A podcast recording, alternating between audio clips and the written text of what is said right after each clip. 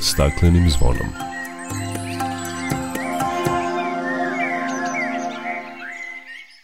Dragi ljubitelji prirode i čuvari životne sredine, dobar dan.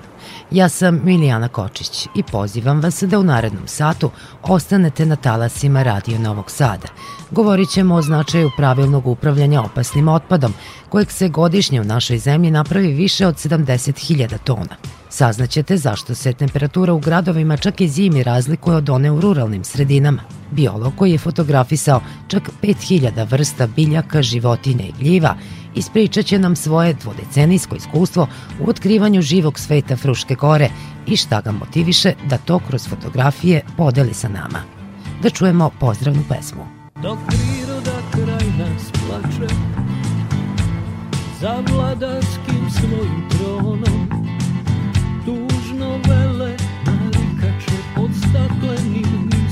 zvonom.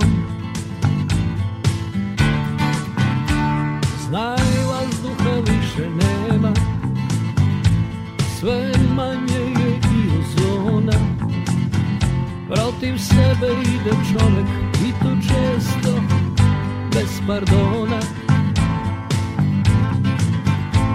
Uništenju živog sveta Kao da su ljudi skloni Čovek sam je sebi meta Zbog njega ovo zvono zvoni Uništenju živog sveta Kao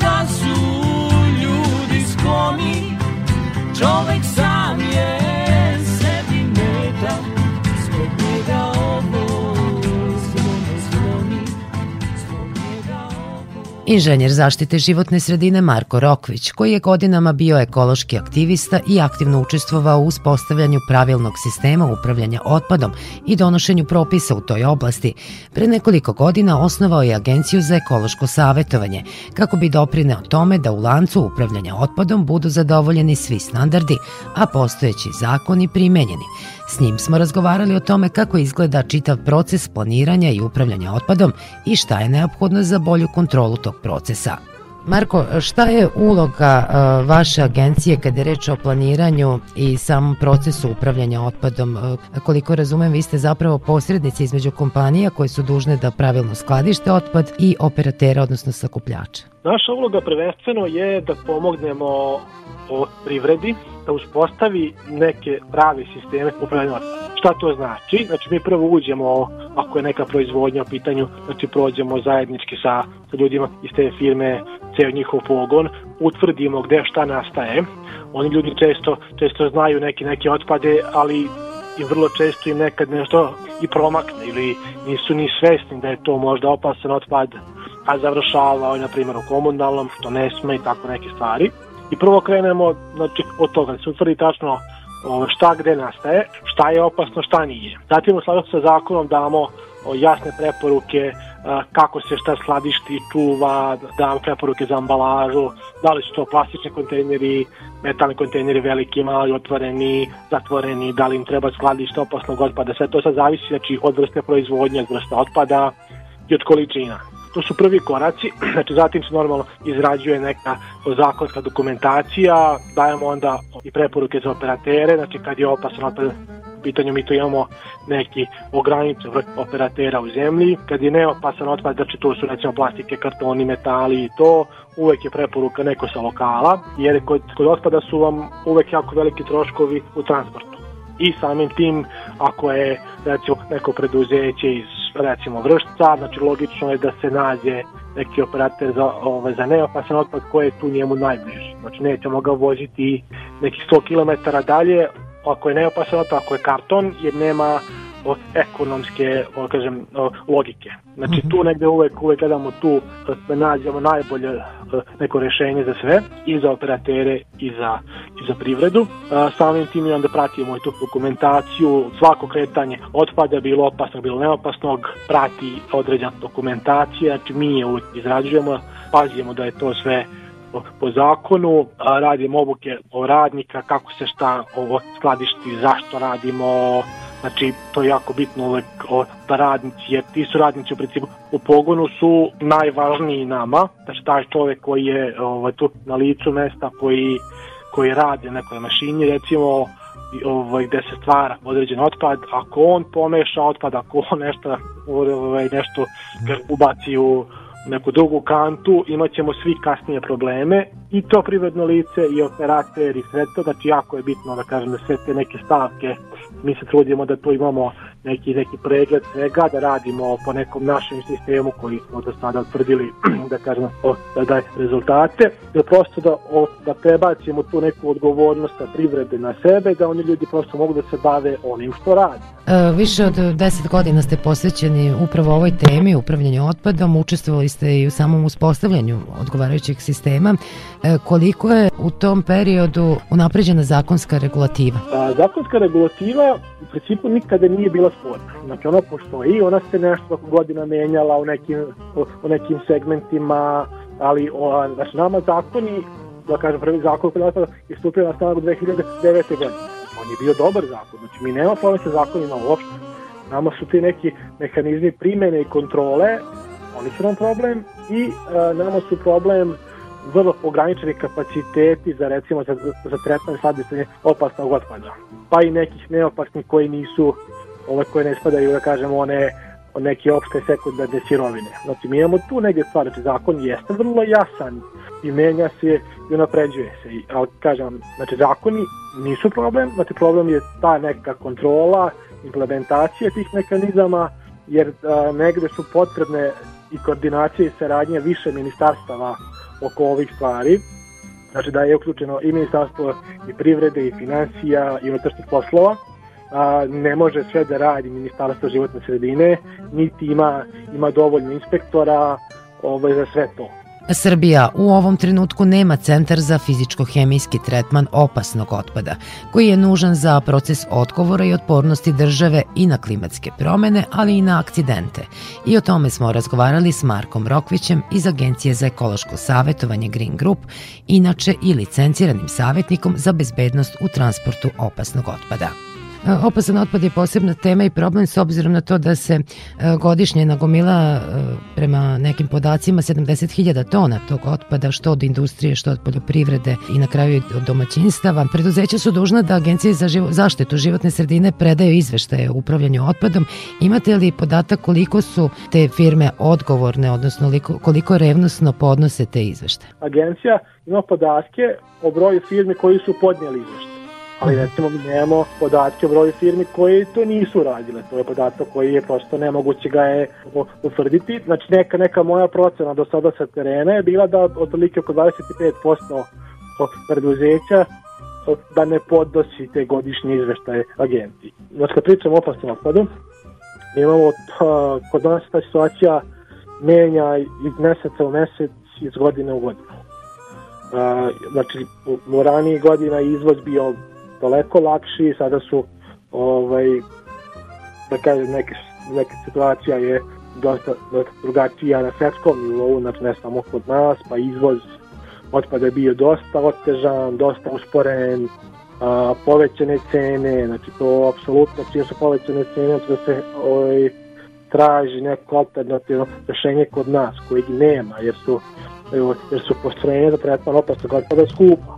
Vrlo su skupa, vrlo su složena i a, nažalost mali broj ovaj, privrede to može da podnese. Znači samo postoje par par ovaj, preduzeća koji nešto radi, neku vrstu tretmana, jer je vrlo skupo, vrlo je nezgodno, vrlo je odgovorno, znači vi ste konstantno na nekom riziku, ovaj, imate konstantno neki pritisak javnosti, što je logično, ali taj posao vrlo ovako da je nezahvalan.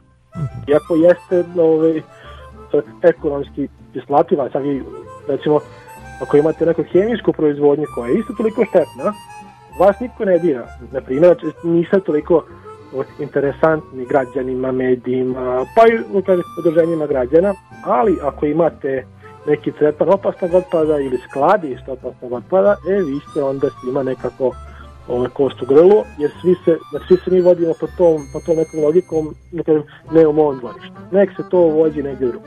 Negde, negde skladište opasnog otpada mora da postoji. To je najbolje blizu industrijskih parkova i postrojenja.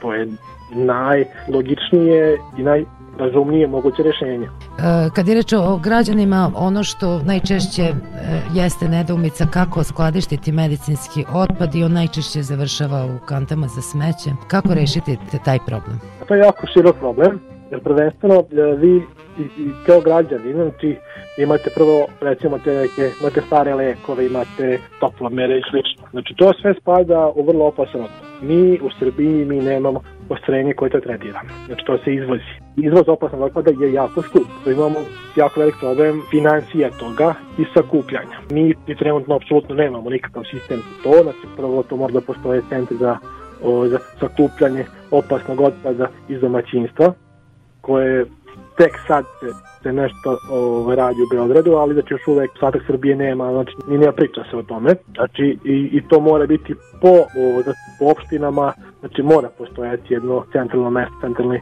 magazin kako god, pošto ovo kod nas se bavi otpadom o, javna komunalna, to mora da bude pod njima na neki način, da oni oni pružaju o, o, tu uslugu, oni to, to izbjegavaju pošto nisu registrovani za opasan otpad, što je i logično. Apsolutno je ono, onda je pitanje ko će da plati dalje ako se sad to stakupi i sad mi svi donesemo građani ko šta ima u kući opasnog otpada na to jedno mesto, ko će da plati dalje taj iznos. Šta nam u ovom trenutku preostaje da uradimo, odnosno šta je najbolje da uradimo sa lekovima? Da ih čuvamo, ako ikako moguće, da ih čuvamo, da vidimo či ovaj, recimo stare lekove, a, o, po zakonu, apoteke jesu dužne da ga prime, tu vrstu otkupa. Neke apoteke su to primale, neke nisu, iz, kažem, iz tog razloga kad ga oni prime, znači kod sebe, oni ga predaju dalje kao svoj otpad.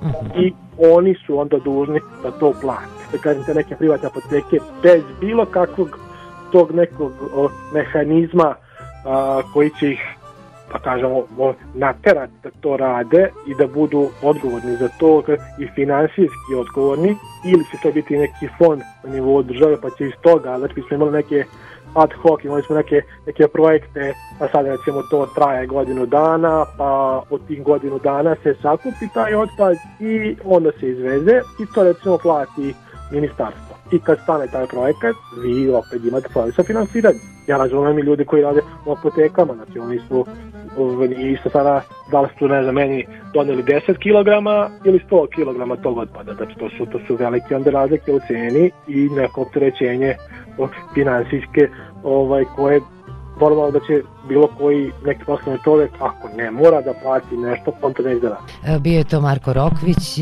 osnivač i vlasnik Agencije za ekološko savjetovanje Green Group e, iz Bačke Palanke.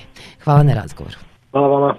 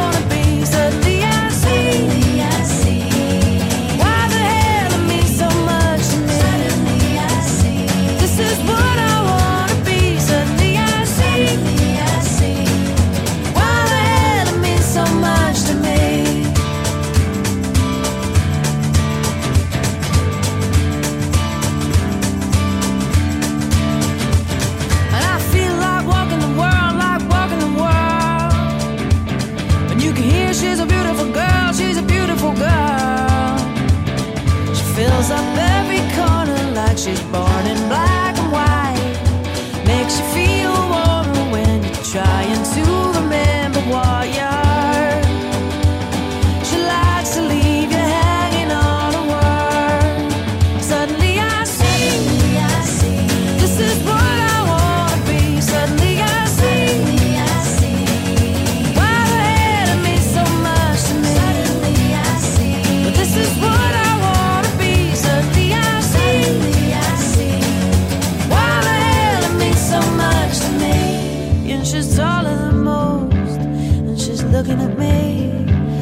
Can see her eyes looking from the page of a magazine. She makes me feel like I could be a tower, big strong tower, yeah. The power to be, the power to give, the power to see, yeah, yeah. Suddenly I see she got the power to be, the power to give, the power to see, yeah, yeah.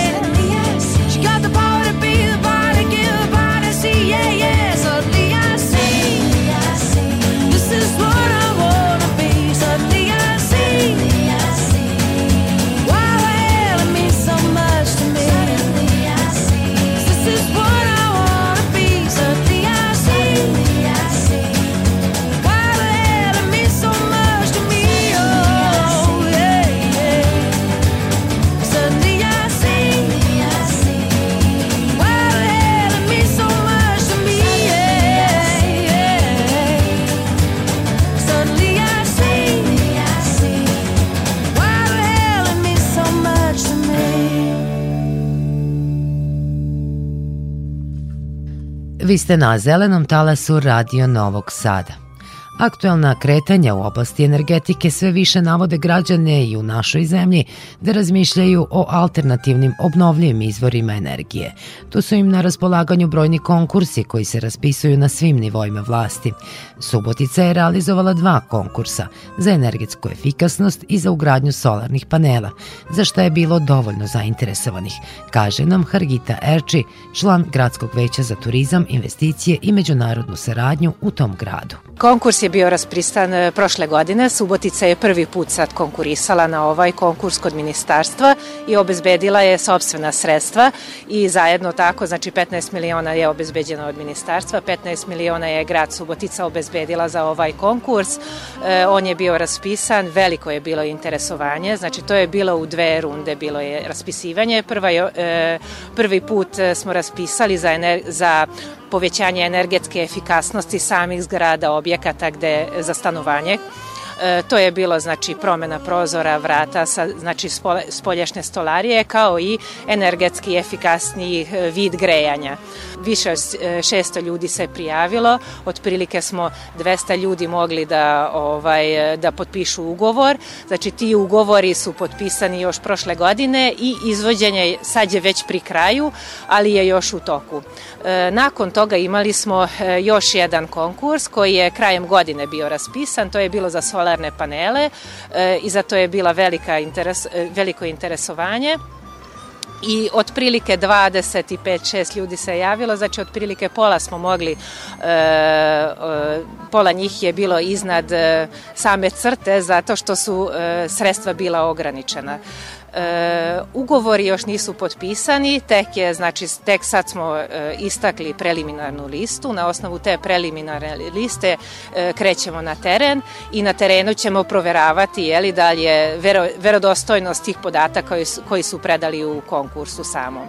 Znači, nakon toga kad se to uverimo e, koji su oni koji su dobro ovaj popunili e, ta, te prijave, onda će se potpisati ugovori i tek se onda kreće u izvođenje radova.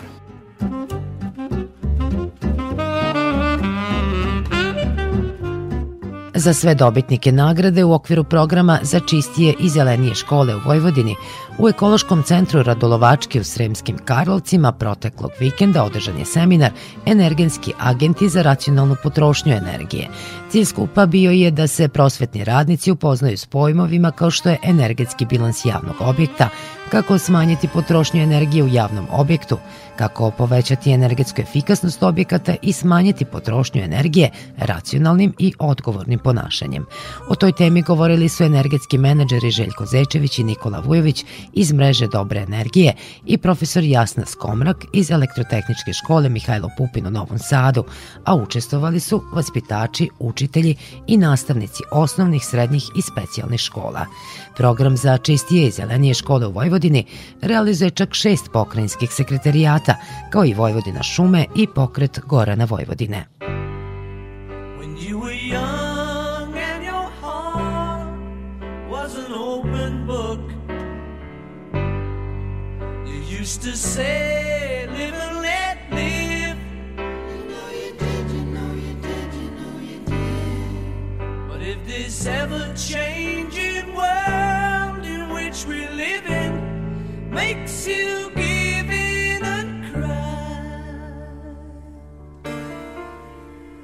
live and let die.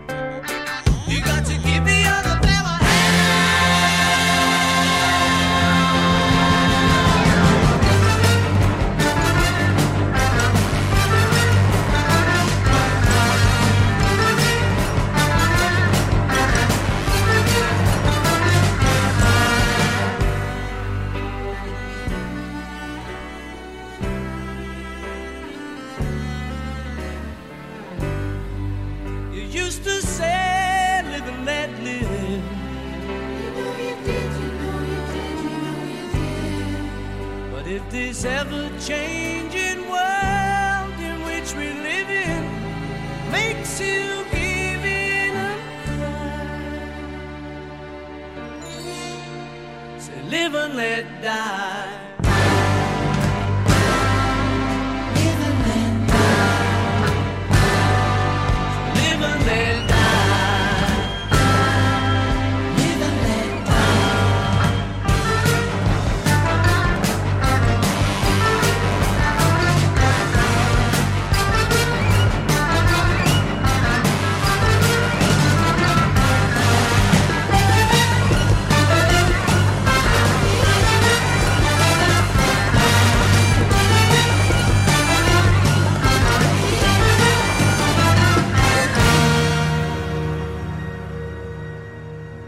Gradovi su i zimi i leti topliji u odnosu na svoju okolinu, što zimi onima koji žive u gradu odgovara. Međutim, ne odgovara im to što je veće i zagađenje, koje zbog zbijenih ulica i visokih zgrada ne može da ode u više slojeve atmosfere. Problemom urbane klime i klimatskih promena bave se istraživači i profesori na Prirodno-matematičkom fakultetu u Novom Sadu, zabeležila Mirjana Damjanović-Vučković. O tome koliko se urbana klima razlikuje od prirodne, odnosno klime van grada, više se govori tokom letnjih meseci, kada recimo u Novom Sadu u isto vreme i u gradu izmerene temperature mogu da se razlikuju za 9 stepeni.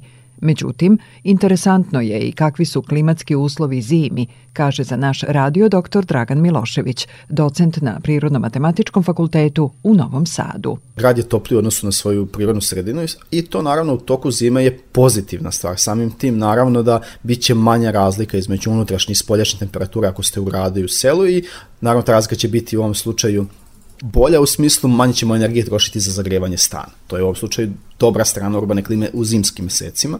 Međutim, naravno, i pored toga imamo i te negativ, negativne strane povezane sa uh, zbog toplana, zagađenja vazduha koji su u zimskim mesecima kada imamo i ve, veću koncentraciju vlage i magla je tu, imamo više smoga, tako da tu imamo taj neki ekološki negativni uh, minus u smislu da udišemo ipak dosta zagađeni vazduh nego u toku letnjih meseci. Većina istraživanja do sad svakako se fokusirala pre svega na topli deo godine, za zimske mesece postoje istraživanja, ali dosta su ređa. Takođe to je problem što zimi uslovi za neka mikrometeorološka meranja su nešto otežana, zato što dosta je hladnije za uh, ljude da vrše ta merenja po nekoliko sati kada je temperatura u minusu. I onda naravno zbog toga takođe češće se ide leti na ta neka terenska merenja kako bismo dobili taj neki mikroklimatski signal.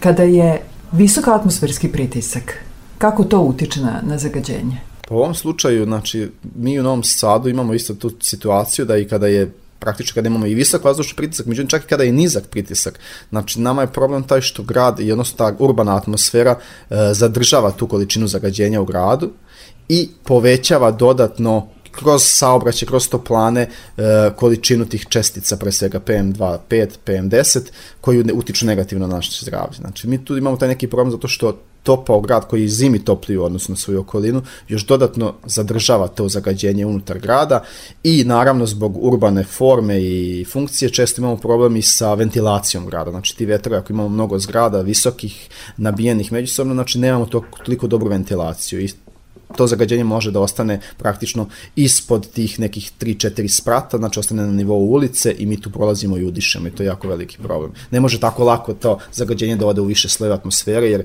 naravno kada imamo tako ulice zbijene i koje su dosta uske, svo to zagađenje često ostane u nekih, nekom sloju 20-30 metara iznad ulice. Šta pokazuju istraživanja u Novom Sadu? U zimi, na primjer, nema nekih preterano velikih eh, tih eh, razlika unutar samog grada. Naravno, ovi neki što se kaže, delovi grada koji su onako otvoreni, imaju bolju ventilaciju, samim tim takođe i lakše se snižava temperatura u odnosu neke onako zbijenije delove grada kao što su Grbavice. Znači i zimi Grbavica je i dalje dosta toplija u odnosu na druge delove grada i na, na prirodnu sredinu, dok na primjer i zagađenije je nažalost, da, zbog te svoje urbane forme, dok na primjer Liman je nešto čisti i posebno zbog naravno i efekta Dunava i tog cirkulacije e, vazduha i kretanja vetrova i naravno nešto je hladnije zbog toga isto. Da li treba da se radujemo kada duva vetar?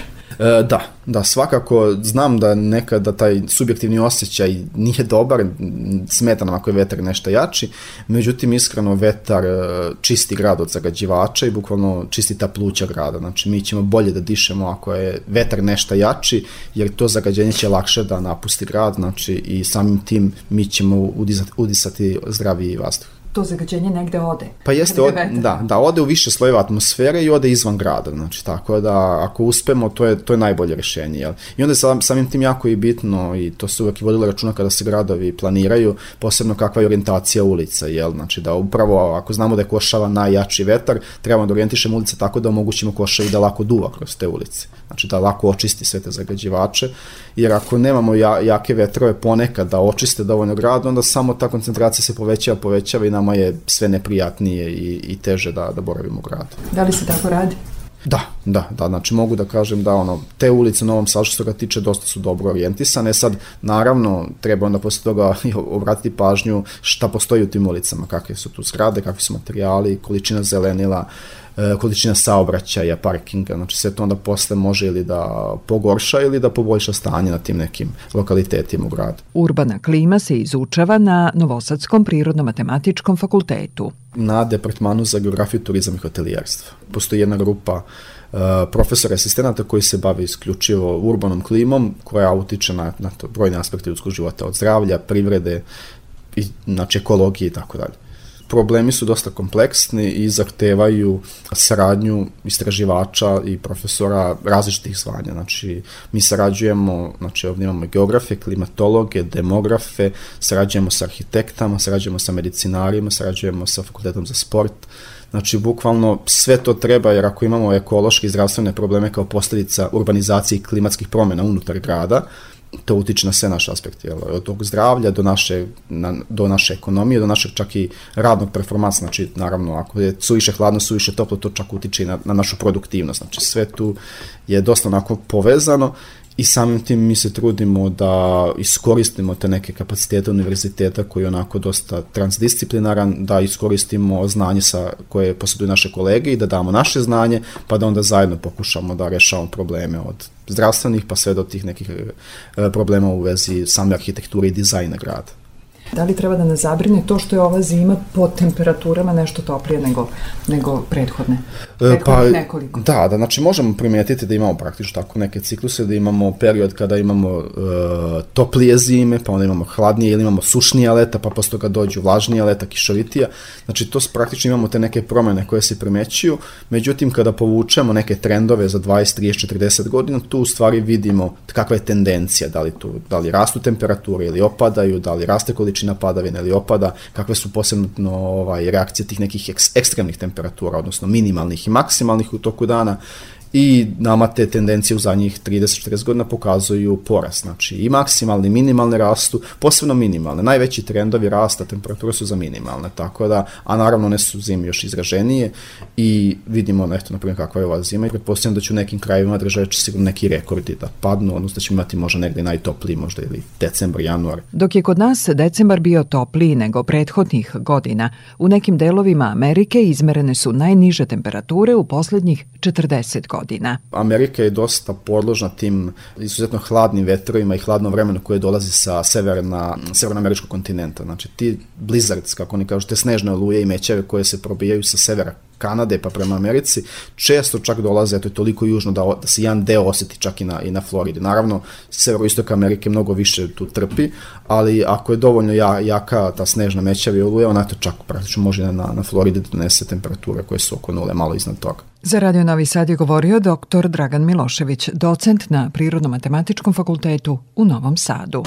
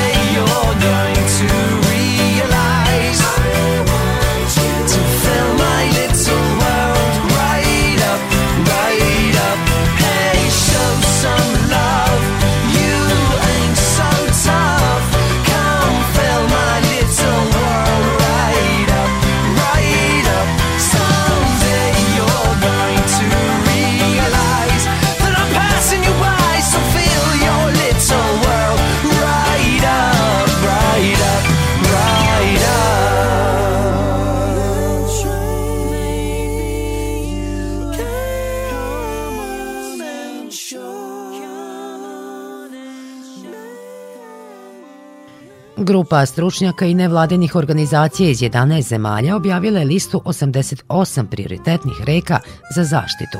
Pozvala je zemlje Zapadnog Balkana koje su potpisnice Bernske konvencije za proširivanje mreže Emerald u regionu. Tu mrežu uspostavio je Savet Evrope 1989.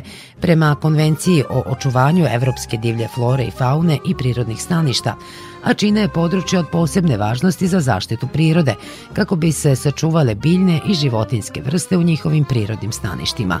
Kao potpisnice Benske konvencije, Albanija, Bosna i Hercegovina, Crna Gora, Severna Makedonija i Srbija započele su uključivanje u mrežu Emerald 2011. kada su predložile mali broj područja za zaštitu. Do danas nijedna od zemalja nije proširila taj spisak. Većina područja nema nikakvu zaštitu prema nacionalnom zakonodavstvu, niko ne upravlja područjima, niti je osigurano sistemsko prikupljanje podataka ili neophodnih resursa. Objavljen spisak reka rezultat je seminara Emerald Green koji je organizovala nevladina organizacija Bankwatch Network u decembru. Učesnici tog seminara prikupili su važne naučne podatke o pojedinim ribljim vrstama i njihovim staništima na osnovu kojih je pripremljen spisak. Na njemu su sledeća područja iz Srbije – Poblačnica, Jerma, Tisa, Kolubara, Gornji Timok, Zapadna Morava Ibar, Đetinja Skrapež, Klisura reke Uvac, Zlatibor, Velike Rzav Moravica, Dolina Pčinje, Dragovištica, Tamiš, Mlava, Velika Morava, Nišava Jerma, Deliblatska peščara, Gornje Podunavlje, Gornji Ibar, Južna Morava, Donja Drina, Lim, Sava i pritoke, Dunav, Donji Dunav, Ibar, Morava, Lepenac, Beli Drim i pritoke.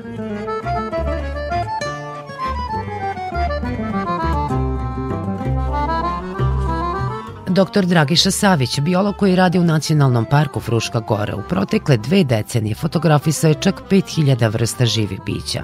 U Pokrajinskom zavodu za zaštitu prirode, povodom njegovog jubileja, otvorena je izložba na kojoj Savić predstavio manji deo svog rada, nastalog iz hobija – Osim toga što je kroz svoju pasiju fotografisanja životinja, biljaka i gljiva prikupio bogatu građu, Saveć je mnogo puta sam nailazio na vrlo redke vrste u našoj zemlji ili potpuno nove za Srbiju, a pronalazio i sasvim nove vrste za nauku.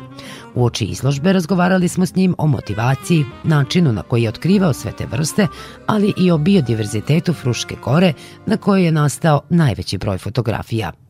Gospodine Saviću, hvala vam najpre što ste izdvojili vreme za Radio Novi Sad za emisiju pod staklenim zvonom. Najpre čestitam na impresivnom broju koji ste za ove dve decenije zabeležili živog sveta oko nas. Šta su posetioci Pokrajinskog zavoda u prilici da vide?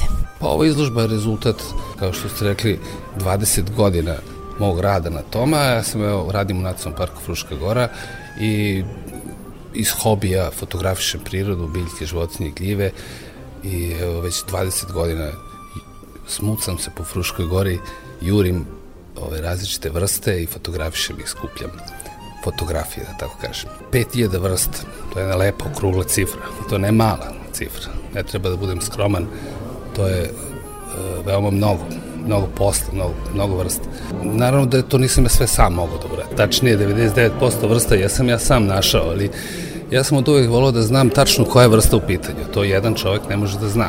Ja sam dugo godina bio botaničar, botanikom sam se bavio, biljke su mi poznate, međutim, kad sam počeo da fotografišem razne vrste beskišmenjaka, insekte, paukove i na kraju gljive, to je već ozbiljan problem koji traži ovaj specializaciju, tako da sam ja sarađivao sa brojnim kolegama koji su mi pomagali, odnosno identifikovali te vrste. Da li su na ovoj izložbi više zastupljene biljne ili životinske vrste? Da li ste o tome vodili račune? Nije bilo lako odabrati samo 50. Ne, znači na izložbi je, će biti prikazane 50 fotografija različitih biljaka, životinja i gljiva, a od tih ukupno 5000. U stvari nije to 5000, to je toliko vrsta, 5000 fotografije, barem pet puta toliko. Sa druge strane, ljudi različito gledaju na fotografije odnosno različiti motivi im se dopadaju. Većina ljudi će pre reći za neku fotografiju na kojoj je neki cvet, leptir, bubamara ili neki jelen ili pesaž, na primjer, reći da im se sviđa, nego za neku fotografiju koja je žaba, stonoga, lep, bub, ovaj pauk ili nešto slično. Međutim, meni su svi organizmi uvek bili zanimljivi za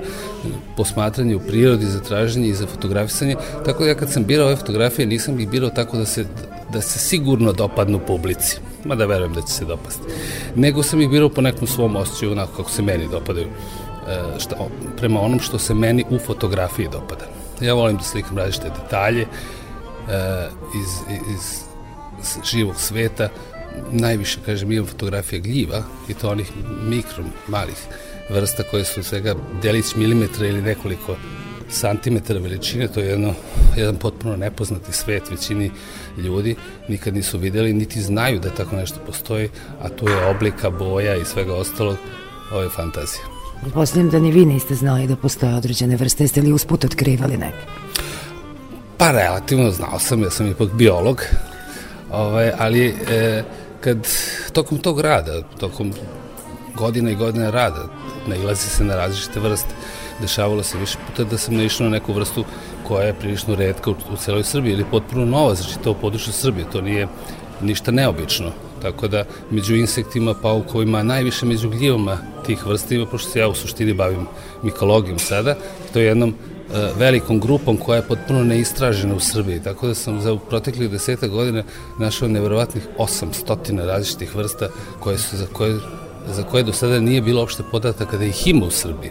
Pretpostavljam da ste na više različitih mesta i u različitim situacijama zapravo fotografisali, niste išli radi same fotografije, već se dešavalo i da prosto negde usput...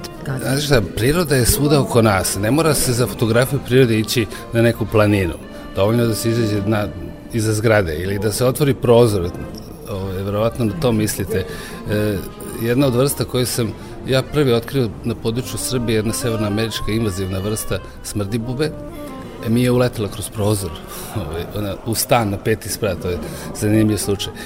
Ali, e, kažem, svuda ima zanimljivih vrsta, ne mora se ići ne znam gde daleko, dovoljno je ovde ako ste iz Novog Sada otići na Frušku goru, ja sam fotografisao 5000, a verujem da ih ima još tri puta toliko različitih vrsta. E, mislim da većina ljudi e, koji dođu na Frušku goru ili bilo gde od u prirodu, oni ne vide 5% onog što tu ima. Znači, da bi se videlo koje sve biljke životinje tu žive, mora mora čovjeka malo to da interesuje, mora da ima neko znanje, mora da, jer ne može se sve odjedno vidjeti. Nešto se javlja, od, neke vrste se javljaju određeno doba godine, neke na određenom mestu, neke su prilično sakrivene ovaj, u prirodi, treba ih tražiti. Tako da mislim da je najveći uspeh, tako kažem, što sam mnoge te vrste ovaj, u, kroz moje fotografije približio ljudima, da jednostavno mogu da ih vide, a barem na fotografiji ako ne uživo. Oni koji posete pokrenjski zavod u narednih 30 dana bit će u prilici da vide ono što ste vi izdvojili, a takođe imate i sajt na kojem ste predstavili neke svoje fotografije. Pa ja od početka bavljanja fotografijom u stvari od, od, od kad su došli digitalni fotoaparati, negde od 2002. godine imam i svoj sajt. Tako da sve što sukcesivno kako je koja fotografija nastaja, ja sam o, identifikovao vrste i te fotografije postavio na, na svoj sajt. Tako da sve moje fotografije se tamo nalaze. www.naturefg.com O tome koliko je specifična perspektiva iz koje biolog Dragiša Savić posmatra živi svet, a potom ga kao vrstan fotograf prikazuje nama lajicima, čućemo od njegovog kolege Olivera Fojkara iz Pokrajinskog zavoda za zaštitu prirode. Kao biolog i istraživač moram da kažem da savremena nauka, taksonomija i ljudi koji se bave taksonomijom uglavnom sužavaju izbor i bave se jednim rodom, jednom vrstom, pa idu u detalje. Dragiša je kao jedan moderni naučnik, ali renesansni umetnik koje, kojima se pružila prilika da se bavi živim svetom Fruške gore, kao, ja mislim, da se trenutno jedini diplomirani biolog u nacionalnom parku. Prvi jedini za sada. I to mu je pružilo priliku da istražuje sve ove vrste koje nam pokazuje. Ono što je jako zanimljivo, to je da imamo desetak vrstnih fotografa u Srbiji. Malo je onih koji su profesionalni biolozi ili e, šumari ili da se posvete nekoj, a, da imaju vizuru prirode iz tog sveta nauke. Dragiša kao biolog, kao a, doktor nauka, koji je radio askomicete, koji je sagledao 800-900 hiljadu vrsta za doktorat, on tačno zna šta traži i zna gde će te traži i onda i nađe. I onda ima posebnu viziju i otkriva nam jedno čudno carstvo prostora o kome govorimo u ovom slučaju Fruška gora. Nisu samo tropski i pokazuje nam. da nisu samo tropske šume te koje vrve od mnoštva vrsta, nego to su i naše stare bukove šume, to su i naše hrastove šume, i slatine, i bare, samo treba znati šta treba tražiti i šta treba gledati. I nije to samo makroobjektiv i kućište aparata. To je binokularna lupa, to biolozi znaju, koju veličava 300 puta, to je svetlosni mikroskop koji veličava 2000 puta, sve je to Dragiša sebi sakupi, izborio se da dobije te uslove, ja mislim da se ponekad bavi elektronskom mikroskopijom, ne za sada, dobro, ali sve su to, sve su to mogućnosti koje nam otkrivaju jedan čudesni svet, biološki svet koji je oko nas. Čuveni fotograf prirode Geza Farkaš na izložbi povodom dve decenije Savićevog rada podsjetio se zajedničkih početaka. Tada su se pojavili digitalni fotoaparati i bili su skromnih mogućnosti, ali imali su jednu izuzetnu mogućnost da svaki od njih je mogao, ima opciju makrofotografije. Tada je to bilo novo i jako moderno i otkrio je ceo jedan svemir nov koji do sada nije bio viđen. Ta moda je nekako, nažalost, brzo prošla i mnogi fotografi su se toga zasitili, ali Dragiša je uporno nastavio tim putem, ne samo da se bavi makrofotografijom, nego se prebacio na mikrofotografiju. Znači, sa oblikata veličine centimetar 2, on je prešao na male od milimetar ili od par milimetara. Ovo je jedna od najzahtevnijih fotografskih disciplina, zato što zahteva izuzetnu tehničku veštinu, i Dragiša sa skromnom opremom, ja sam video i neke mnogo opremljenije laboratorije, znači on sa onim što je uspeo da skupi, što je dobio od nacionalnog parka, dosta toga je sam kupio, puno toga je sam napravio i čovjek je prosto fasciniran kako dolazi do tako savršenih tehničkih fotografija. Ne samo da su tehnički savršene, nego nam i na jedan izuzetan estetski način predstavljaju lepotu te prirode. Znači, kada vidite tog, recimo, panonskog skakavca, kada vidite mahovinu koja liči na šumu, vi shvatite da pred sobom imate ne samo biologa, nego imate i jednog pravog umetnika koji nam kroz taj svoju vizuru predstavlja taj predivni raznovrsni svet Fruške gore.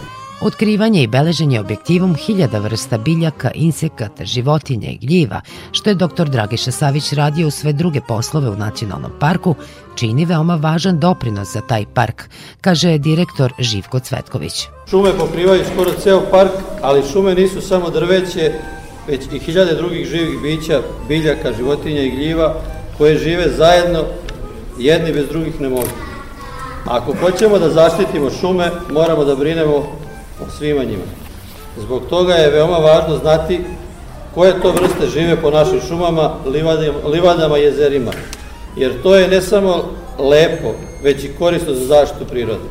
Takođe, većina živih bića su veoma sitna ili skrivena i ljudi koji posećuju park ih uopšte ne primećuju. Ovo je jedan lep način da se svi one približe ljudima, makar kroz fotografije, da ljudi vide šta sve živi u našem okruženju, da vide koliko su lepi i da shvate da je svaki živi organizam važan za opstanak ne samo prirode, nego i samog čoveka koji je deo te prirode. 5000 vrsta zvuči stvarno mnogo, ali siguran sam da na Fruškoj gori živi još najmanje dva puta toliko vrsta, što je naravno fascinantno.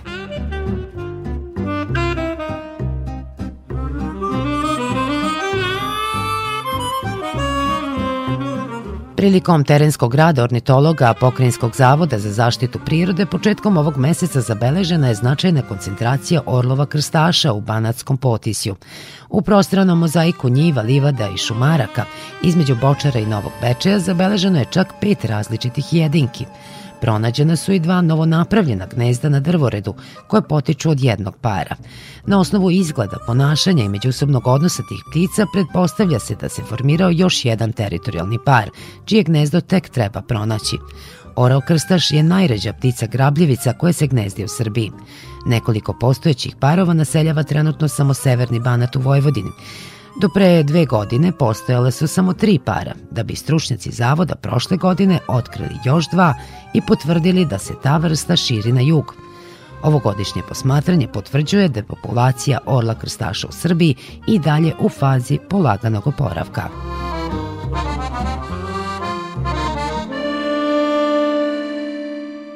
Slušate emisiju pod staklenim zvonom. Zrenjanin je drugi grad u kojem je u Karadžorđevom parku zasađeno više od 75 stabala, nabavljenih u akciji DDOR osiguranja. Za šumu u tvom kraju, najavljeno i započetu povodom prošlogodišnjeg Beogradskog sajma automobila, zabeležila Jelena Milićević.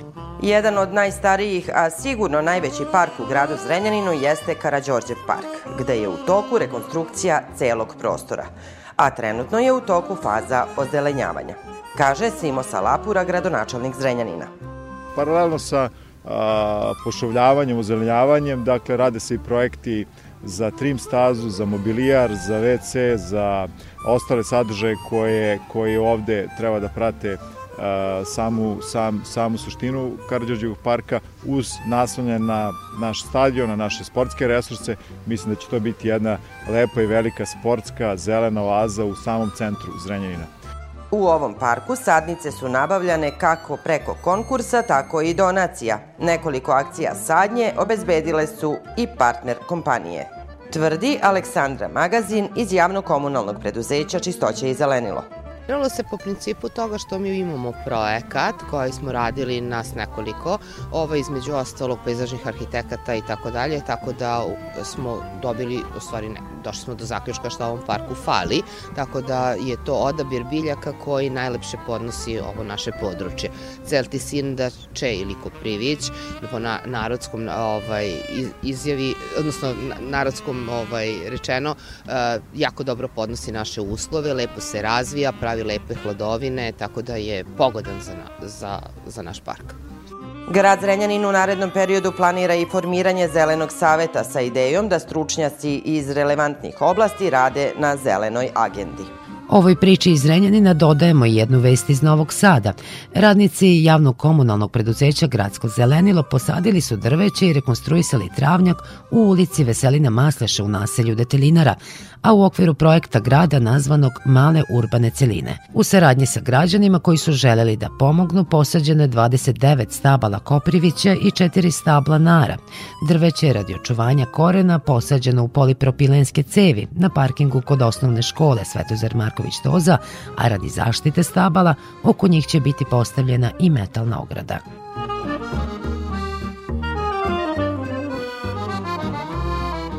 Poštovani slušalci, ukoliko želite da u isto vreme doprinesete zaštiti životne sredine i budete humani, evo prilike, pošto je kompanija Lidl Srbija pokrenula zanimljivu ekološku inicijativu humanitarnog karaktera. Naime, u dve Lidlove prodavnice u Novom Sadu na adresama Bulevar Vojvode Stepe 2 i Temenicka 98a potrošači mogu da vrate prazne flaše i limenke, recikliraju ih i za tu ekološku odluku budu dodatno podstaknuti, jer za svaku recikliranu ambalažu kompanija donira po 5 dinara korisnicima fondacije Budi Human. U okviru kampanje Dobro se reciklažom vraća, ta kompanija poziva svoje potrošače da se pridruže inicijativi podsjećajući da reciklažom štedimo resurse i energiju i istovremeno čuvamo našu planetu.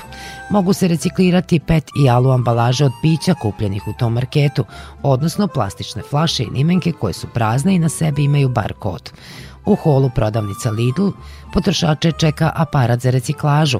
Aparat nakon prihvatanja ambalaže prikazuje koliko i koje vrste prikupljeno, a zatim se klikom na dugme Doniraj dobija papir kao potvrda sa ukupnim iznosom novca koji će reciklažom biti doniran korisnicima fondacije Budi Human.